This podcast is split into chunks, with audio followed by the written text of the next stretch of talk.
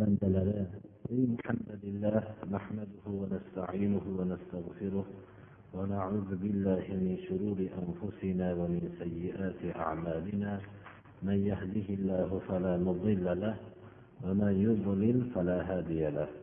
وأشهد أن لا إله إلا الله وحده لا شريك له وأشهد أن محمدا عبده ورسوله. أما بعد السلام عليكم ورحمة الله وبركاته.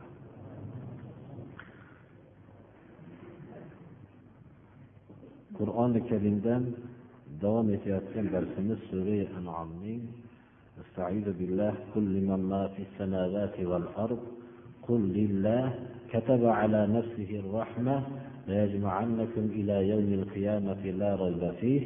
الذين خسروا أنفسهم فهم لا يؤمنون. Shu oyatini o'rgangan edik. Bu oyatda alloh subhanahu va taolo koinot yerdagi hamma mavjudot kimniki deb savol qilishlikni rasululloh sollallohu alayhi vasallamga marhamat qilyapti va javobini ollohniki ya'ni koinoti yerdagi hamma mavjudot ollohni o'ziga xos ekanligini shu makka mushriklari ham bilishardi. Aytib o'tganimizdek ular koinoti yerni olloh yaratgan koinoti yerni olloh boshqaradi koinoti yerdagi hamma mavjudotga olloh rizq beradi. U ollohgina o'ldiradi ollohgina tiriltiradi va shu sifatlarni hammasini makka mushriklari tan olishardi. Mana bu savolni berishlikka buyurib alloh subhanahu va taolo javobini berishlikka ham buyuryaptiki qul lillah ollohniki deng alloh subhanahu va taolo rahmatni o'zini zotiga kitobat qilgan. Mana bu rahmat haqidagi hadislarni o'qib bergan bo'ldik. Ollohning rahmatidandir sizlarni qiyomat kuniga jamlashligi ya'ni insonlarning qilgan amallarini mukofotini berishlik uchun. Yaxshi bo'lsa yaxshi yomon bo'lsa yomon jazosini berishlik uchun jamlashlik ham allohni rahmatidanki eng bir hayotda yaxshi o'tkazgan kishilar bilan yomon o'tkazgan odamlarning barobar bo'lishligi bu adolat va rahmatga muvofiq bo'lmagan narsa edi shuning uchun ham qiyomat kunida hammanglarni jamlashligi ham alloh subhanahu va taoloning o'zini rahmatidandir. Bu kunda uni kelishligida shak shubha yo'q. Ya'ni o'zlariga o'zlarini boy bergan kishilar o'zlariga ham ziyon qilgan mollarigayu farzandlarigayu yo qarindosh urug'lariga yo xalqiga ziyon qilishlikdan tashqari o'zigalariga ham ziyon qilib o'zlarini ham boy bergan kishilar ular iymon keltirmagan kishilardir. Shu kishilargina iymon keltirishmaydi deb alloh subhanahu va taolo iymon keltirmaslikni ziyonini bayon qilyapti. Haqiqatda ham inson hamma ishda o'zini manfaatini o'ylab ish qiladi. Ya'ni har bir ish bo'lsa o'zini manfaatiga. Demak iymon keltirmagan bo'lsa hali o'zini manfaatiga ziyo o'zini manfaatiga zarar yetkazishlik u yoqda tursin o'ziga ham zarar yetkazadi demak manfaat yetkazadigan o'zi ham qolmaydi o'zini ham boy beradi degan ma'noni bildiradi. Iymon keltirmagan kishi o'ziga zulm qiladi. Iymon keltirmagan kishi o'zining avlodlariga zulm qiladi. Iymon keltirmagan kishi o'zining xalqiga zulm qiladi. Iymon keltirmagan kishi butun mavjudotga zarar yetkazadi.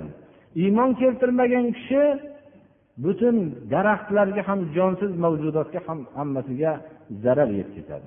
Mana bu zarar yetkazishligini mana biz hozirgi davrimizda biz ko'rib turibmizki iymon sifatiga ega bo'lmagan kishilarning dunyoqarashlari faqat iqtisodni o'ziga cheklanib qolib hamma ishni shu iqtisodga bog'lab ish qilishlik natijasida u iqtisod ham mutlaqo rivojlanib ham qolmadi.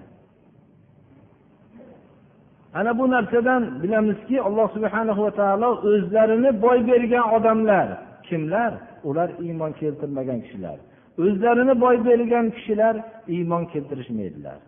Kim o'ziga bir zarar yetkazsam avlodimga bir kechirilmas bir zararlar yetkazsam desa billah iymondan chetda yashasa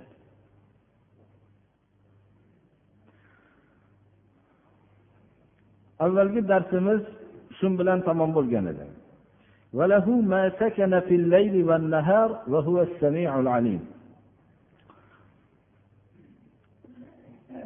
Kecha va kunduzda sukunat qilib turgan hamma narsalar alloh subhanahu va taoloning mulkidir. Ya'ni kecha va kunduzni o'ziga sakan qilib joy qilib olgan hamma mavjudot alloh subhanahu va taoloning mulkidir. Dunyoda kecha bor yo kunduz bor? Zamon nuqtai nazaridan kecha va kunduz. Boshqa narsa yo'q. Kecha va kunduzdagi hamma mulk shuni o'ziga joy qilib olgan shuni o'ziga zamon qilib olgan hamma mavjudot alloh subhanahu va taoloning mulkidir. Olloh eshituvchi va biluvchidir. Qaysi mavjudotni kechada sukunat qilsa rohatda yashashini qaysi mavjudot kechani maosh vaqti qilib olsa o'zini manfaati bo'lganligini biluvchi va ularning ehtiyojotlarini hammasini eshituvchidir. Haqiqatda ham kechada ba'zi hayvonotlar borki faqat kechasidagina yashay oladi. Kunduzida yashay olmaydi. Ya'ni u kunduzida yorug'lik unga zarar qiladi. Mana bu narsani biz ko'rib turibmiz. Mana ko'rshapalaklar hammasi yorug'lik paydo bo'lishligi bilan g'oyib bo'ladi. Bular kechada sukunat qilib orom oladi. Ba'zi hayvonlar borki kunduzida rohat oladi sukunat qiladi kechasi unga bu orom bo'la olmaydi. Bu narsa hammamizga ma'lum olamdagi hamma narsa demak kechasini o'ziga sukunat rohat qilib olgan va kunduzini yo rohat qilib olgan hamma mavjudot alloh subhana va taoloning mulkidir buni makka mushriklari ham hammasi buni tan olishardi قل أغير الله أتخذ وليا فاطر السماوات والأرض وهو يطعم ولا يطعم قل إني أمرت أن أكون أول من أسلم ولا تكونن من المشركين avvalgi darslarda va hozirgi oyat hozirgi darsimizda o'tgan oyat hammasini tekshirib ko'rilsa alloh subhanahu va taolo o'zining roziq ekanligini o'zining xoliq ekanligi o'zini koinotni boshqaruvchi ekanligini va boshqa sifatlarniki makka mushriklariyu boshqa mushriklar tan oladigan sifatlarni zikr qilgandan keyin alloh taolo rasululloh sollallohu alayhi vasallamga xitob qilib ayting endi shuncha sifatlarni egasi bo'lgan ollohni qo'yib ollohdan boshqani men o'zimga nosir yordam beradigan hoja qilamanmi? Demak bu sifatlarning egasi alloh subhana va taoloning o'zi ekan. Boshqa bir narsa sharik emas ekan. Endi ollohdan boshqani o'zimga mavlo yordamchi qilaman vali tarbiyat kunanda vali yordam beruvchi vali ma'bud sig'iniladigan zot ma'nolarini o'z ichiga oladi. Qaysi ma'no bo'lsa ham yaratuvchi olamni boshqaruvchi hamma mavjudotning moliki bo'lgan zotni qo'yib boshqani o'zimga tarbiyat kunanda qilaman. Yoyinki boshqani men sig'iniladigan zot qilaman. Demak ollohdan boshqani bunday o'ziga vali ya'ni ma'bud hoja yordamchi qilishlik hech mumkin emas. Koinoti yerni yaratuvchi bo'lgan ollohni qo'yamanmi men deng. U zot yediradiyu u zotga hech kim yedirmaydi. Rizq beradigan shu zotni qo'yib boshqani o'zimga hoja qilamanmi deng. Qul ayting ularga ollohni hukmiga bo'ysunuvchi kishilarning avvali bo'lishlikka ma'mur bo'lganman deng. Men mushriklardan ya'ni mushriklardan bo'lmang deb men ma'mur bo'lganman. Ya'ni mushriklardan bo'lmaslikka men ma'mur bo'lganman deb ularga e'lon qiling. Demak biz shu oyatdan bilishimiz kerakki mushrik ollohni inkor qilmaydi. Mushrik ollohni rizq beruvchi sifatini inkor qilmaydi. Mushrik koinoti yerni olloh yaratgan deb inkor qilmaydi. Mushrik olamni boshqaruvchi zot olloh ekanligini inkor qilmaydi. Mushrik o'zi bilan ollohni o'rtasida vosita qiladi. Mana bu mushrikdir. Ibodatni faqat alloh subhana va taoloning o'ziga qilmaydi. Mana bu odam mushrikdir. Rasululloh sollallohu alayhi vasallam ma'mur bo'lyaptilarki ularning mushrik ekanligini e'lon qilishlikka men sizlarga o'xshagan mushrik bo'lishlikdan saqlanishlikka ma'mur bo'lganman deb e'lon qiling deyapti alloh taolo. Shuning uchun bizlarga ba'zi odamlarning ollohni borligiga unaganligi yoyinki olloh koinoti yerda rizq beruvchi zot deb tan olishligi bizni quvontirib qo'ymasligi kerak.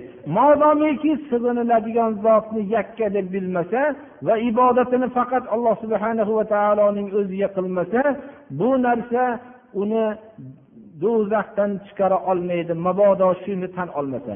Ma'bud boshqa ma'budga ham sig'inadigan bo'lsa xoh daraxt bo'lsin xoh tog' bo'lsin xoh oy bo'lsin xoh oftob xoh yulduz xoh mozor ho boshqa narsa. Ho muqaddas yer deb atalgan narsalar bo'lsin. Yer kurrasida muqaddas yer uchta.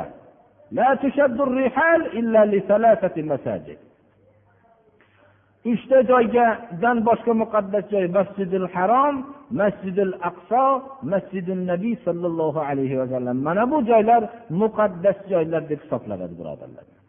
Alloh subhanahu va taoloning rasuli bizga o'rgatmoqligi kerak muqaddas joylarni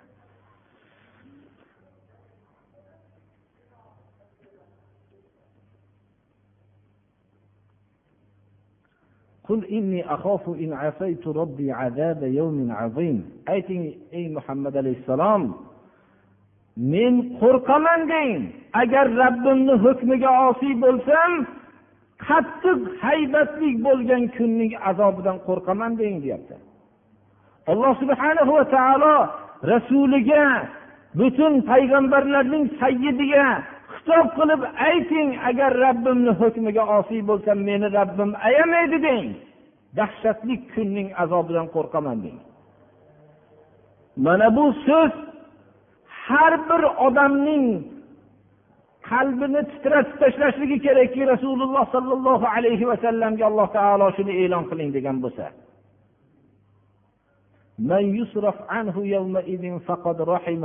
Kim bu kunda qiyomat kunida alloh subhanahu va taoloning azobidan qaytarilsa burilsa ya'ni azobidan saqlanib qolsa olloh uni saqlasa faqat rohimah alloh subhanahu va taolo unga rahmat qilgani shudir jannatni zikri yo'q birodarlar. Ollohning azobidan qutulib qolgan odam azob undan burilsa ya'ni buruvchi faqat alloh subhanahu va taolo saqlovchi faqat alloh subhanahu va taolo shu azobdan alloh subhana va taoloning azobidan burilib uni saqlanib qolsa endi ollohning rahmati bo'lgani shu unga. Ya'ni azobdan qutulinishlik o'zi eng katta rahmatdir. Bu ochiqdan ochiq najotdir birodarlar.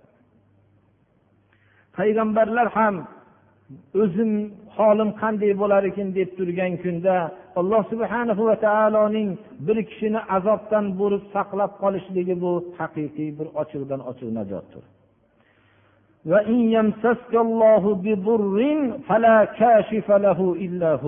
وإن يمسسك الله بضر فلا كاشف له إلا هو وإن يمسسك بخير فهو على كل شيء قدير وهو القاهر فوق عباده وهو الحكيم الخبير الله سبحانه وتعالى mana bu oyatda har bir kishining o'zini aqidasini mustahkam qilib qo'yyapti rasululloh sollallohu alayhi vasallamga xitob qilib agar sizni alloh subhana va taolo biror bir zararni sizga yetkazsa biror bir zarar bilan sizni ushlasa ollohdan boshqa bu zararni ochib tashlovchi ko'tarib tashlovchi yo'q. Agar sizni biror bir yaxshilik bilan ushlasa biror bir yaxshilikni yetkazsa alloh subhana va taolo har bir narsaga qodir zotdir. Olloh bandalari ustida g'olib bo'lgan zotdir. Olloh hikmatlik va har bir narsadan xabardor bo'lgan zotki kimga yaxshilikni jo'natishlikni yaxshi biladi kimga yetkazgan o'zi zararni olib tashlashlikni yaxshi biladigan xabardor va hikmatli zotdir mana bu oyatning mazmuni haqida rasululloh sollallohu alayhi vasallam marhamat qilib aytdilarki واعلم أن الأمة إن اجتمعوا على أن ينفعوك بشيء لن ينفعوك إلا ما كتب الله عليك واعلم أن الأمة إن اجتمعوا على أن يضروك بشيء لن يضروك إلا ما كتب الله لك رفعت الأقلام وجفت الصحف dedilar bilingki dedilar aqida insonda shunday bo'lishi kerak hamma yer kurrasidagi ummat sizga biror bir narsani foyda yetkazaman deb jamlanishgan bo'lsa alloh subhanahu va taolo kitobat qilgan manfaatdan boshqani yetkazolmaydi hamma ummat to'planib sizga zarar yetkazmoqchi bo'lsa olloh kitobat qilgan zarardan boshqa narsani yetkazolmaydi qalamlar yozib bitil bo'lgan siyohlar qurigan dedilar. Mana bu mo'min kishining aqidasi bo'lmoqligi kerak islom aqidasini bajarish yo'lida islomning hukmlarini bajarish yo'lida ketayotgan vaqtda shayton unga har xil narsalarni vasvasa qiladi. Mana bu vaqtda bu hadisni esga olmoqligi kerak va hozirgi aytilingan oyat kalimani esda turmoqligi kerak. Alloh subhanahu va taologagina tavakkul qilib alloh subhanahu va taolo kitobat qilgan zarardan boshqa narsa yetmaydi deb o'zining yo'nalishligida ketmoqligi kerak. Lekin bizni ummat unday tushunmadi bu e'tiqodni. Bu hadisni unday tushunmadi. Ular ollohni kitobat qilgan narsasi bo'ladi deb islom hukmini bolalarini ham tarbiya qilishmadi. Bu hadisning ma'nosi bu emas edi. Bilingki siz islomni hukmini qilavering har qanday dushmandan qo'rqmang. Farzandingizni islom yo'lida tarbiya qiling. Agar sizga shu yo'lda zarar yetkazishni maqsad qilsa ollohni kitobat qilgan zarardan boshqa narsa yetmaydi degan ma'no lekin insonlar bu narsani o'zlarining dangkasaliklariga o'zlarining islomdan chetga chiqib ketganliklariga hujjat qilishmoqchi bo'ladi. Bu ayni bir jaholatdir birodarlar. Islom hukmini siz qilishda davom eting. Qo'rqmang dushmanni dushmanligidan. Yo sizni umidvor qilib aldaydigan makkorlarning aldoviga agar sen islomning hukmlarini qilmasang mana bu manfaatlar seniki bo'ladi degan makkorlarning makriga aldanmang. Olloh kitobat qilgan manfaatdan boshqani sizga hech kim berolmaydi degan ma'noni bilib biz hech kimga aldanmasdan shu ishni qilishlikka bilmoqligimiz kerak edi bu hadisni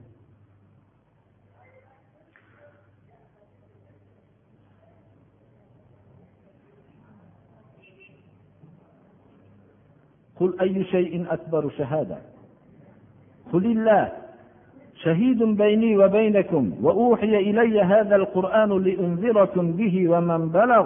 أئنكم لتشهدون أن مع الله آلهة أخرى؟ قل لا أشهد. قل إنما هو إله واحد وإنني بريء مما تشركون.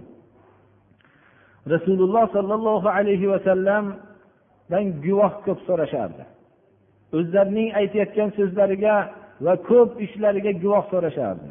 Ularga aytingki guvoh talab qilayotganlarga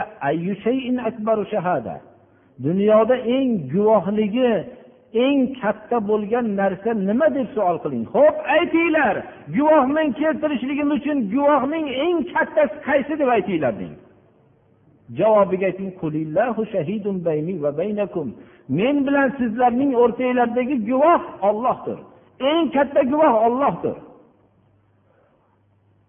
ollohning guvohligini o'z ichiga olgan qur'on menga vahiy qilindi. Menga mana bu qur'on vahiy qilindi deng. Mana bu qur'on ollohning guvohligini o'z ichiga oladi. Bu qur'oni karim menga vahiy qilindi deng ularga sizlarni bu qur'on bilan ogohlantirishligim uchun. Va bu qur'onni qur'on yetgan qiyomatgacha yetgan kishilarni ogohlantirishlik uchun menga bu qur'on vahiy bo'ldi dedi. Birodarlar qur'on rasululloh sollallohu alayhi vasallam bilan zamondosh bo'lgan kishilarni va hamda qur'on yetgan kishilarning hammasini qiyomatgacha alloh subhana va taolo qur'onni saqladi. Qur'onni kuydiradigan qur'onni yo'qotadigan qur'onni vayron qilmoqchi bo'lgan dushmanlarning son sanoqsiz bo'lishligiga qaramasdan shu alloh subhana va taolo qur'onni saqladi.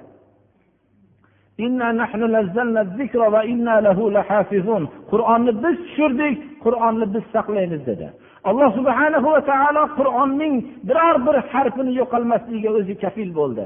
Mana bu bilan rasululloh sollallohu alayhi vasallam o'zlarining zamondosh bo'lgan sahobalarni xalqlarni hammasini va qur'on yetib borgan kishilarning hammasini ogohlantirishlik uchun payg'ambar bo'lganliklari. Va bu qur'on shuning uchun vahiy qilinganligini qur'on chiroyli o'qishlik uchungina nozil bo'lgan emas.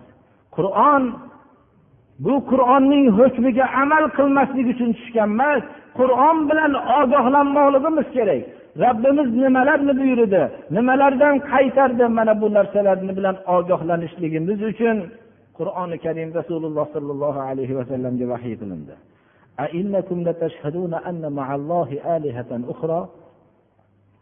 Ularga ayting meni guvohim olloh deng. Olloh menga vahiy qildi qur'onni. Qur'on ollohning guvohligini menga guvohligini o'z ichiga olgan. Sizlar olloh bilan boshqa ma'budotlarga sig'inishligi sig'inishliginglarga guvoh keltira olasizlarmi deng? Mabodo guvohlik keltiramiz deyishgan bo'lsa men sizlar bilan guvoh bo'lmayman deng ularga. Chunki ularga xitob qilib aytingki sig'iniladigan zotning yagona ekanligini e'lon qiling. Boshqa sig'iniladigan sizlar sig'inayotgan narsalardan hammasidan bezorligingizni ham e'lon qiling deyapti alloh taolo. Bu qanchalik og'ir vazifa rasululloh sollallohu alayhi vasallamga buyurildi. Biz bu vazifaning og'irligini bilmaymiz birodarlar. Nima uchun? Biz o'zimizdagi mas'uliyat nima ekanligini his qilmaymiz. Bormi biror bir kishiki e'lon qilgan bo'lsa men sizlar shirk keltirayotgan narsadan bezorman. Sizlar sig'inayotgan narsalardan bezorman. Yakka ollohga sig'inaman deb aytgan biror bir kishi bormi? Bu narsani mushriklarning ro'barosida turib bir umr birga o'tgan odamlarni amallari shirk ekanligini bilgandan keyin shuni oshkor e'lon qilgan bir alloma bormi? Payg'ambar bunga kuchi yetmasa va payg'ambarning haqiqiy merosxo'rlarini bunga kuch hosil qilib aytgan bo'lmasa boshqa odamni aytganligini bilmaymiz birodarlar. Bu ish nihoyat darajada og'irdir. Shirk amalini bajarayotgan kishilarga shirklarini e'lon qilib bu shirk bu amal degan kishilarni bo'lsa bularni sizlar bu shirk amalni e'lon qilib shuni aytishlik bilan fitna qilyapsizlar deydigan odamlarni topish mumkin. Ammo shirkdan bezor bo'layotgan kishilarning aytgan so'zlariga qo'shiladigan odamni topolmaysiz birodarlar. Rasululloh sollallohu alayhi vasallamga alloh subhana va taolo juda og'ir bir vazifani qo'ydiki men bezorman sizlar sharik qilib sig'inayotgan narsanglardan deng. Borma bir daraxtlarga sig'inayotgan odamlar to'plangan joyga borib shu yerda tushuntirib bu bezorman men. Bu amaliylar shirk mutlaqo alloh subhana va taolo sizlarni kechirmaydi deb aytgan kishi bormi? Bu mozorlarga sig'inayotgan joylarga sizlar bu mozorlardan madad so'rashlikda bilan mushrik bo'lyapsizlar. Sizlarning bu amalinglardan men bezorman deb aytgan odam bormi? Yoyinki shu yerda bir gapirsak fitna bo'ladi deb shirkka sharik bo'lib o'zi ham mushrik bo'layotgan odamlar bormi? Bular haqqancha bundan topsangiz bo'laveradi. Alloh subhanahu va taolo payg'ambarlarning vazifasi qancha og'ir bo'lganligini inson o'zi ham bir da'vat qilganda o'zi ham shu da'vatga sof da'vatga amal qilgandagina u da'vatning ma'nosi kim bilan bo'lsa kelishib ketishlik emas ollohning ahli tavhidlarini do'st tutib ahli shirklarni dushman tutib va buni e'lon qilishlikdir. Mana bu da'vatdir. Mana bu narsani iymonning asoslari bilan bo'lgan ollohning do'stini do'st tutish dushmanini dushman tutishlikdir. Shuning uchun payg'ambarlarning vazifasini og'irligini bilgan kishi bilmoqchi bo'lgan kishi ollohni yo'lidagi haq da'vatni bir qilib ko'rgandagina biladi.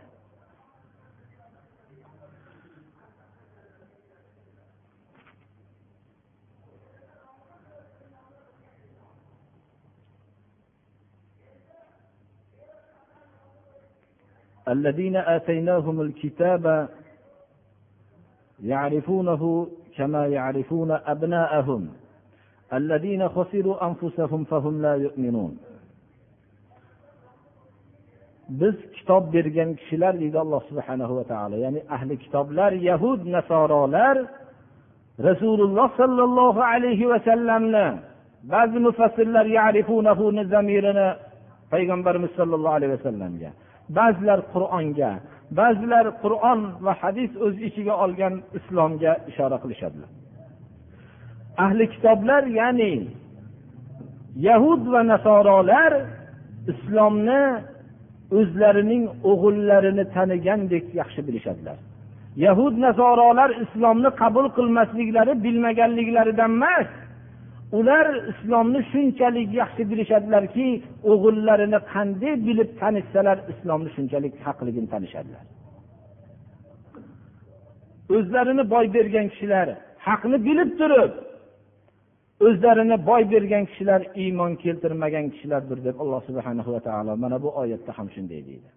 Ya'ni haqiqatda ham haqni bilib haqniga iymon keltirmasdan yashagan kishilar mollarinigina boy bergan kishilar emas farzandlarini yo hovli joylarini yo boshqa narsalarni emas mulklarni faqat o'zlarini ham boy bergan kishilardir. Bu oyatdan biz bir tarafini ham tushunmoqligimiz kerakki alloh subhana va taolo yahud nasorolarning islomni qanday bilganligini bayon qilyapti. Inson qizidan ko'ra o'g'lini yaxshiroq taniydi. Inson tabiatan o'g'illiga moyilroq bo'ladi. Chunki o'g'il insonning naslini qolishligini ko'rsatib turgan va yonidagi xususan yordamchisi shu bo'lib turganligini er va ayol ham o'zining o'g'li tarafiga bo'lgan moyilligi qizi tarafiga bo'lgan haqiqiy moyillikdan ko'proq bo'ladi. Bu narsa bir tabiiy narsadir. Alloh subhana va taolo mana bu yerda ular farzandlarinigina emas mutlaq balki o'g'illarini qanaqa tanishsalar shunchalik yaxshi tanishadilar islomni deyapti. Ular nima uchun tanishadilar? Islomningga zarar yetkazishlik uchun. Islomni qanday qilib buzishlikka musulmonlarni bularning o'rtalarida fitnalarni uyushtirishlik yo'llari qanday bo'lishligiga qattiq harakat qilishliklari uchun islomni o'g'illarini bilganlaridek bilishlikka harakat qilishadilar. Ular hatto islomni maqtashlikdan ham toyilishmaydilar o'zlarini tiymaydi. Hatto islomni ham maqtashaveradi. Siz islomni maqtayotganligini ko'rganingizdan keyin siz bilasizki bu odam endi insofli odam ekan islomdagi haqni haq deyapti bu degan vaqtingizda beparvo bo'lib qolganingizdan keyin xotirjamlik bo'lgandan keyin uni dushman ekanligini his qilishlik sizda yo'qolgandan keyin o'zining zaharli o'qini otadi. Hozirgi targ'ibot vositalaridagi bo'layotgan ishlarning ko'pi shundan xoli emas birodarlar. Hozir islomni maqtaydigan islomning dushmanlari paydo bo'ldi. Islomni maqtashlikdan boshlaydi. Siz uni islomni maqtashligini eshitganingizdan keyin u o'zining zaharli o'qidan beparvo bo'lib qolasizda zaharli o'q bilan nishonga olinganligingizni bilmaysiz. Shu bilan siz uni maqtab qolib mana bu islomni maqtabdi degan narsani hatto u yillab islomni maqtashlikdan ham toymaydi. Lekin zaharli o'qini uni sizni oxirgi hal qiluvchi vaqtga olib qo'yib turadi. Go'yoki sizga bir salqin ichimlikni nihoyatda lazzatli bir ichimlikni bir piyolasini beradi. Dushman bo'la turib sizning horg'in holatingizni ko'rib siz uni lazzatli salqin ichimligini ichib ya'ningizda qalbingizda bunga nisbatan insof borligini sezasiz. Ikkinchisini ham beradi. Uchinchisiga kelgan shu lazzatli salqin ichimlikka o'zining hal qiluvchi maqsadi bo'lgan zaharni solib beradi. Avvalgi bergan harakatlarni hammasini bir daqiqada hal qiladi. misoli shunga o'xshaydi birodarlar وقالت طائفة من أهل الكتاب آمنوا بالذي أنزل على الذين آمنوا وجه النهار واكفروا آخره لعلهم يرجعون آية تفسير biz aytib o'tgan edik birodarlar ular iymon keltiringlar sizlarning insofli odamlar deb tan olsin keyin oxirgi vaqtiga kelganda hal qiluvchi ishinglarni qilasizlar deb ta'lim berardi Mana bu narsa birodarlar bizni islomni yo'qotishlikka hal qiluvchi zarbasini biz esdan chiqarib qo'ymasligimiz kerak. Ahli kitoblar islomni yo'qotishlik uchun islomning dushmani bo'lib qayerlaridan biz bularni adashtirishligimiz uchun harakat qilaylik deb o'g'illarini tanigandek tanisayu bu bechora ahli islom islomdan bexabar bo'lib yashasa bu islomni bilishligi amal qilishligi uning abadiy saodatga olib borsayu o'zining dushmanlari islomni shunchalik yaxshi o'rgansayu bu bechora millat islomdan bexabar bo'lib yashasa. Mana bu narsa alloh subhana va taolo sizlarning dushmanlaringlar o'g'illarini qanchalik yaxshi tanisa islomni qur'onni shunchalik yaxshi biladi. Qur'oni karimni hammasini o'rganib chiqqan yahud nasorolar son sanoqsizdir birodarlar. Faqat islomga zarar yetkazishlik uchun o'rgangan. Mana bu narsa biz yaxshi bilib qo'yishligimiz kerak alloh subhana va taolo ularni johillar demayapti ahli ilmlari deyapti. Ahli kitoblar ilm berilgan kishilar bu yahud nasorolar islomni qur'onni xuddi o'g'illarini tanigandek taniydi. Sizlar dushmaninglarni bilinglar deyilyapti haqiqatda islomni bunday dushmanlari tarixda son sanoqsiz bo'ldi.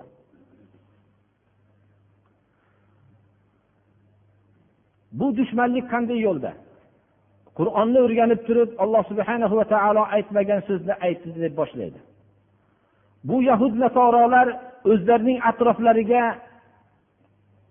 yollanma peshvolarni islom domlalarini chaqira boshlaydi. Ular o'zlarining yomon maqsadlarini ijro qilishlik uchun yollanma domlalardan foydalanadi. Ular alloh subhana va taoloning aytmagan so'zlarini aytdi deb beradi. Alloh subhana va taolo harom degan narsani halol deyishib beradi. Alloh subhana va taolo halol degan narsani harom deb beradi. Alloh subhana va taologa yolg'onni bo'xton qiladi. Va shu bilan mushrik bo'ladi. Shu bilan dindan begona bo'ladi. Shunchalik birodarlar islom libosida bo'lgan mushrikka aylanishadilar xolos.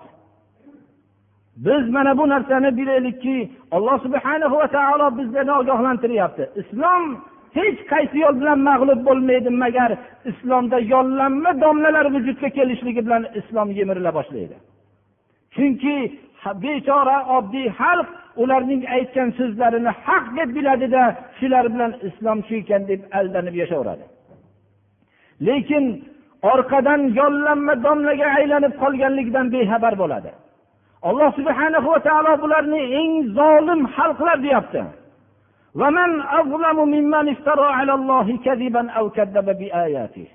Kim ollohga yolg'onni bo'xton qilgandan ko'ra zolimroq kim? Eng dunyodagi zolim olloh subhana va taolo aytmagan so'zni aytdi deyishlik. Olloh halol qilgan narsani harom deyishlik. Olloh harom degan narsani halol deb bilgan halol deb e'lon qilgan odamdan ko'ra zolimroq kim bundan ortiq zolim bo'lishligi mumkin emas. Ollohni oyatlarini yolg'on degan odamdan ko'ra zolimroq kim? Ollohni oyatlarini birov yolg'on demaydi yolg'on deyishlik bilan xalqlar uning ashaddiy dushmani ekanligini biladi. Ollohni aytmagan so'zini aytdi deb. Mana bu yahudlarning yo'lidir. Yahudlar nasorolar bizlarning dinimizni hadislarni qur'onni islomni shunday yaxshi o'rganishni urindida payg'ambarimiz sollallohu alayhi vasallam aytmagan hadislarni aytganlar rasululloh sollallohu alayhi vasallam deb bo'xton mavzu hadislarni hadis kitoblariga kirgizishdi. Xususan arab tilida bo'lmagan kitoblarga rasululloh sollallohu alayhi vasallam haqida aytilmagan so'zlarni aytganlar deb rivoyat asosida aytishdilar. Lekin bular hammasi bular ko'pi mavzu hadislar edi mavzu hadis degani payg'ambarimiz aytmagan so'zdir. Alloh subhana va taoloning marhamati bilan muhaddis ulamolarni alloh taolo doim hal qildi. Ular rasululloh sollallohu alayhi vasallamga tuhmat qilgan kishilarni sharmanda qilib doim bu hadislarning mavzu ekanligini bayon qilishdi. Hozirda ham bizni diyorlarimizda ko'p rivoyat qilib payg'ambarimiz sollallohu alayhi vasallam bunday degan ekanlar deb xususan turkiy o'zbek tillarida kitobat qilingan chunki bu odamlar qur'oni hadisni bilmaydida aldashlikka osonroq bo'ladi deb shu haqdagi ko'p hadislarni yahud nasorolar bizlarning bosmaxonalarimizga kirib mana bu yerda o'zbekcha kitoblarga boshqalarga aytmagan so'zlarni aytgan deb tarqatib yuborishdilar. Chunki ular islomni yaxshi o'rganishgan edilar. Qanday gapirilganda ahli islom aldanishligini yaxshi bilardilar. Bu ahli islom bechora bo'lsa islomini o'zining saodat yo'lini o'rganmagan edi. Yahud nasorocha islomni o'rganmagan edi. Yahud nasorolar islomni buzishlikka islomga fitna tarqatishlik uchun o'rgangan edi. Alloh subhanahu va taolo mana bu oyatda kim ollohga yolg'onni bo'xton qilgan odamdan ko'ra zolimroq yo ollohni oyatlarini yolg'on degan kishilardan ko'ra zolimroq kimlar? Bunday zolimlar mutlaqo najot topmaydi. Bunda bu zolimlar ya'ni mushrik bo'lgan toifalar bu zulmni eng kattasi bu shirkdir. Bu mushriklar hech qachon najot topmaydi. Alloh subhanahu va taolo mana tarixdagi hamma mushriklarni sharmandalarcha holatda qo'ydi. Ular odamlar va allohu subhanahu va taolo tarafidan malun bo'lib tarixda qolishdilar. Zolimlar hech qachon najot topmaydi.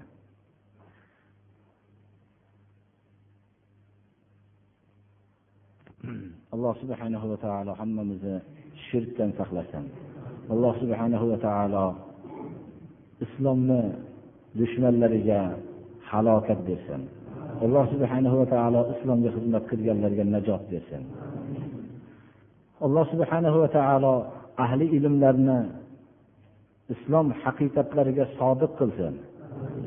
Alloh subhanahu va taolo islomni haqiqatlarni xalqlarga bayon qilishlikda ahli ilmlarni haqiqat bilan bayon qilishlikka tavfiq bersin.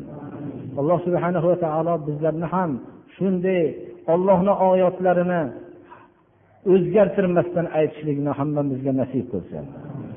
alloh subhanahu va taolo islomga zarar yetkazayotganlarga alloh o'zi kifoya qilsin اهدنا الصراط المستقيم صراط الذين أنعمت عليهم غير المغضوب عليهم ولا الضالين masala so'rabdilarki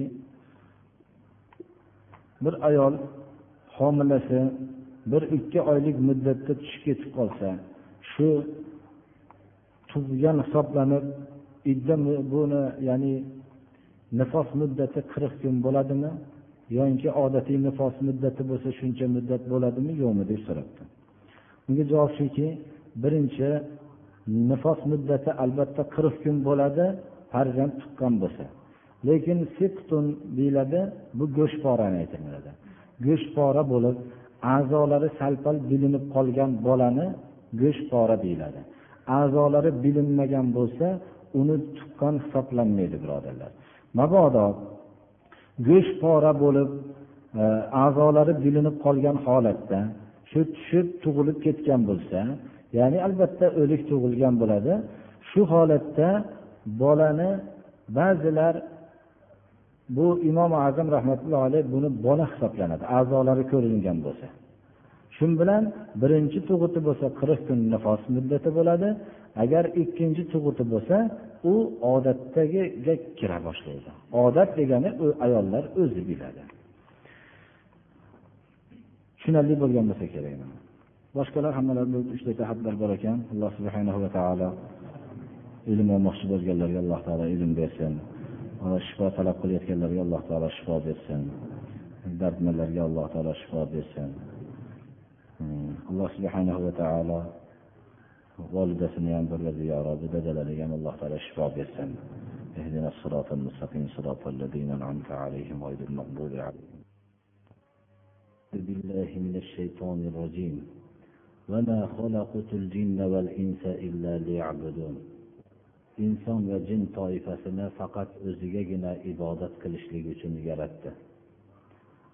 رسول الله صلى الله عليه وسلم حق الله على العباد va la bihi shay'a deb imom buxoriy va imom muslimni rivoyatlarida shu hadis sharifni marhamat qildilar ya'ni alloh subhanahu va taoloning odamlar ustidagi haqqi odamlar ollohga ibodat qilib hech bir narsani sharik qilmasliklari dedilar demak alloh subhanahu va taoloning bizni ustimizda haqqi bor bu haqni o'tashlik uchun dunyoga yaratilganmiz.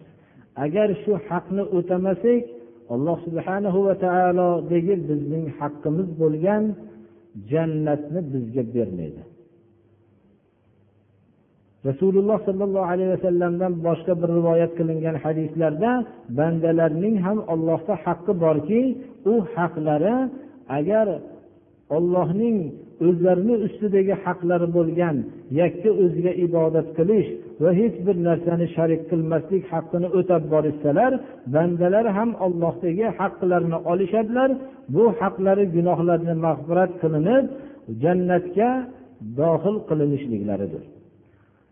Inson ota onasining haqqini o'tashlik uchun agar solih farzand bo'lsa qanchalik bir qiyinchiliklarni o'ziga lozim ko'radi? Bu haqni o'tamagan kishi kishilar tarafidan malomatga duchor bo'ladi.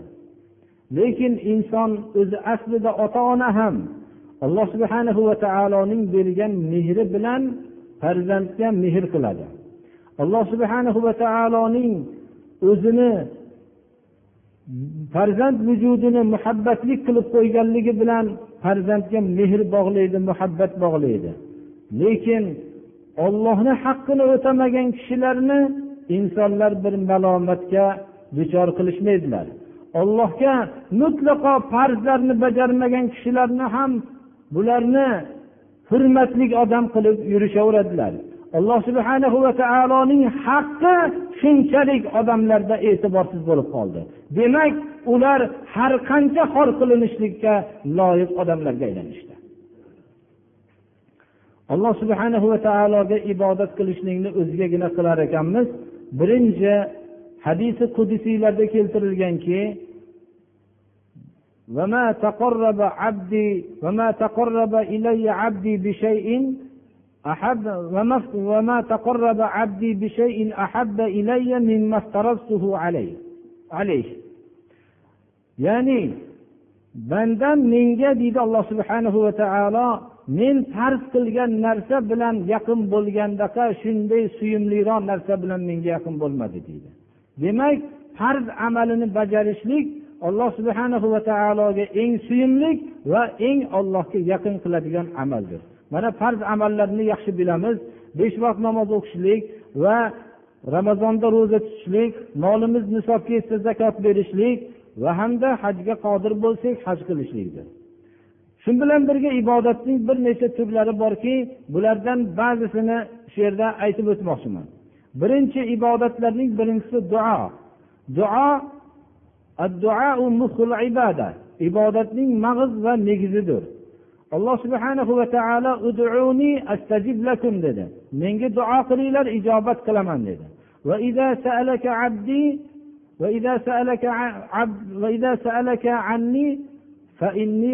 dedi. Ya'ni biror kishi mendan meni qayerda ekin deb so'raydigan bo'lsa men unga yaqinman dedi. Uning yurak tomiridan ham biz yaqinroqmiz deyapti alloh taolo. Demak banda duoni faqat alloh subhanahu va taologa qilishlikka ma'murdir. Agar shu duoni boshqa narsaga ham qilsa shu amal shirk bo'ladi. Ibodatni boshqaga ham qilib ollohni u narsani sharik qilgan bo'ladi va shu bilan mushrik bo'ladi amali habata bo'ladi. Duo faqat alloh subhana va taologa bo'lmoqligi kerak. Ibodatlarning yana bittasi xavf qo'rquvdir. Dedi alloh taolo. Odamlardan qo'rqmanglar shariat hukmlariga amal qilishlikda shariat hukmlarini bayon qilishlikda mendan qo'rqinglar agar mo'min bo'lsanglar dedi. Xavf alloh subhana va taolodan bo'lmoqligi kerak. Xavf ibodatdir. Ibodat ollohni o'zigagina bo'lmoqligi kerak. Ollohga boshqa narsani sharik qilib boshqa narsadan qo'rqilmaslik kerak. Rajo umid qilishlik. Alloh subhanahu va taoloning rahmatini umid qilishlik. Alloh subhanahu va taoloning azobidan qo'rqishlik. Bu narsa ibodatdir.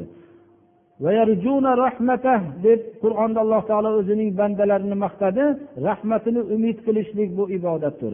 Agar ollohni rahmatini umid qilsak bu ibodatni ollohni o'zigagina qilgan bo'lamiz. Boshqa narsalardan ham umid qiladigan bo'lsak ibodatda allohga boshqa narsani sharik qilgan bo'lamiz. Tavakkul suyanishlik alloh subhanahu va taoloning o'ziga bo'lmoqligi kerak. Ollohgagina mo'minlar tavakkul qilsin. Tavakkul agar ollohga biz tavakkul qilmasak boshqa bir narsalarga suyanib yashaymiz. Bu narsalar na foyda yetkazmaydigan na zarar yetkazmaydigan narsalardir. Alloh subhanahu va taologa tavakkul qilishlikka ma'murmiz. Ya'ni tavakkul bu ibodatlardan bittasidir bu amallar hammasi ibodat bo'lib ollohdan isti'onat so'rab yordam so'rashligimiz ollohdan bo'lmoqligi kerak. Bu ibodat agar ollohdan yordam so'rasak ollohni o'zigagina ibodat qilgan bo'lamiz. Agar boshqa narsalardan yordam so'rasak ya'ni yordam so'rashligining ma'nosi g'aybiy suratda yordam so'rashlikdir. Bunda billah shirk amalini qilgan bo'ladi odamlar. Zabh ya'ni bir narsani qurbon qilishlik xoh tuya ho mol ho qo'yni so'yishlik ho boshqa narsalarni so'yishlik bu ham ibodatdir qilishlik bu ibodatdir alloh subhanahu va taolo mashru qildi kabatullohni tavof qilishlik اللهم إنا نعوذ بك من الكفر والفقر والجبن والكسل ومن فتنة المحيا ومن فتنة الممات ومن فتنة المسيح الدجال ومن فتنة عذاب القبر وأن نرد إلى أدخل العمر وصلى الله تعالى على خير خلقه محمد وآله وأصحابه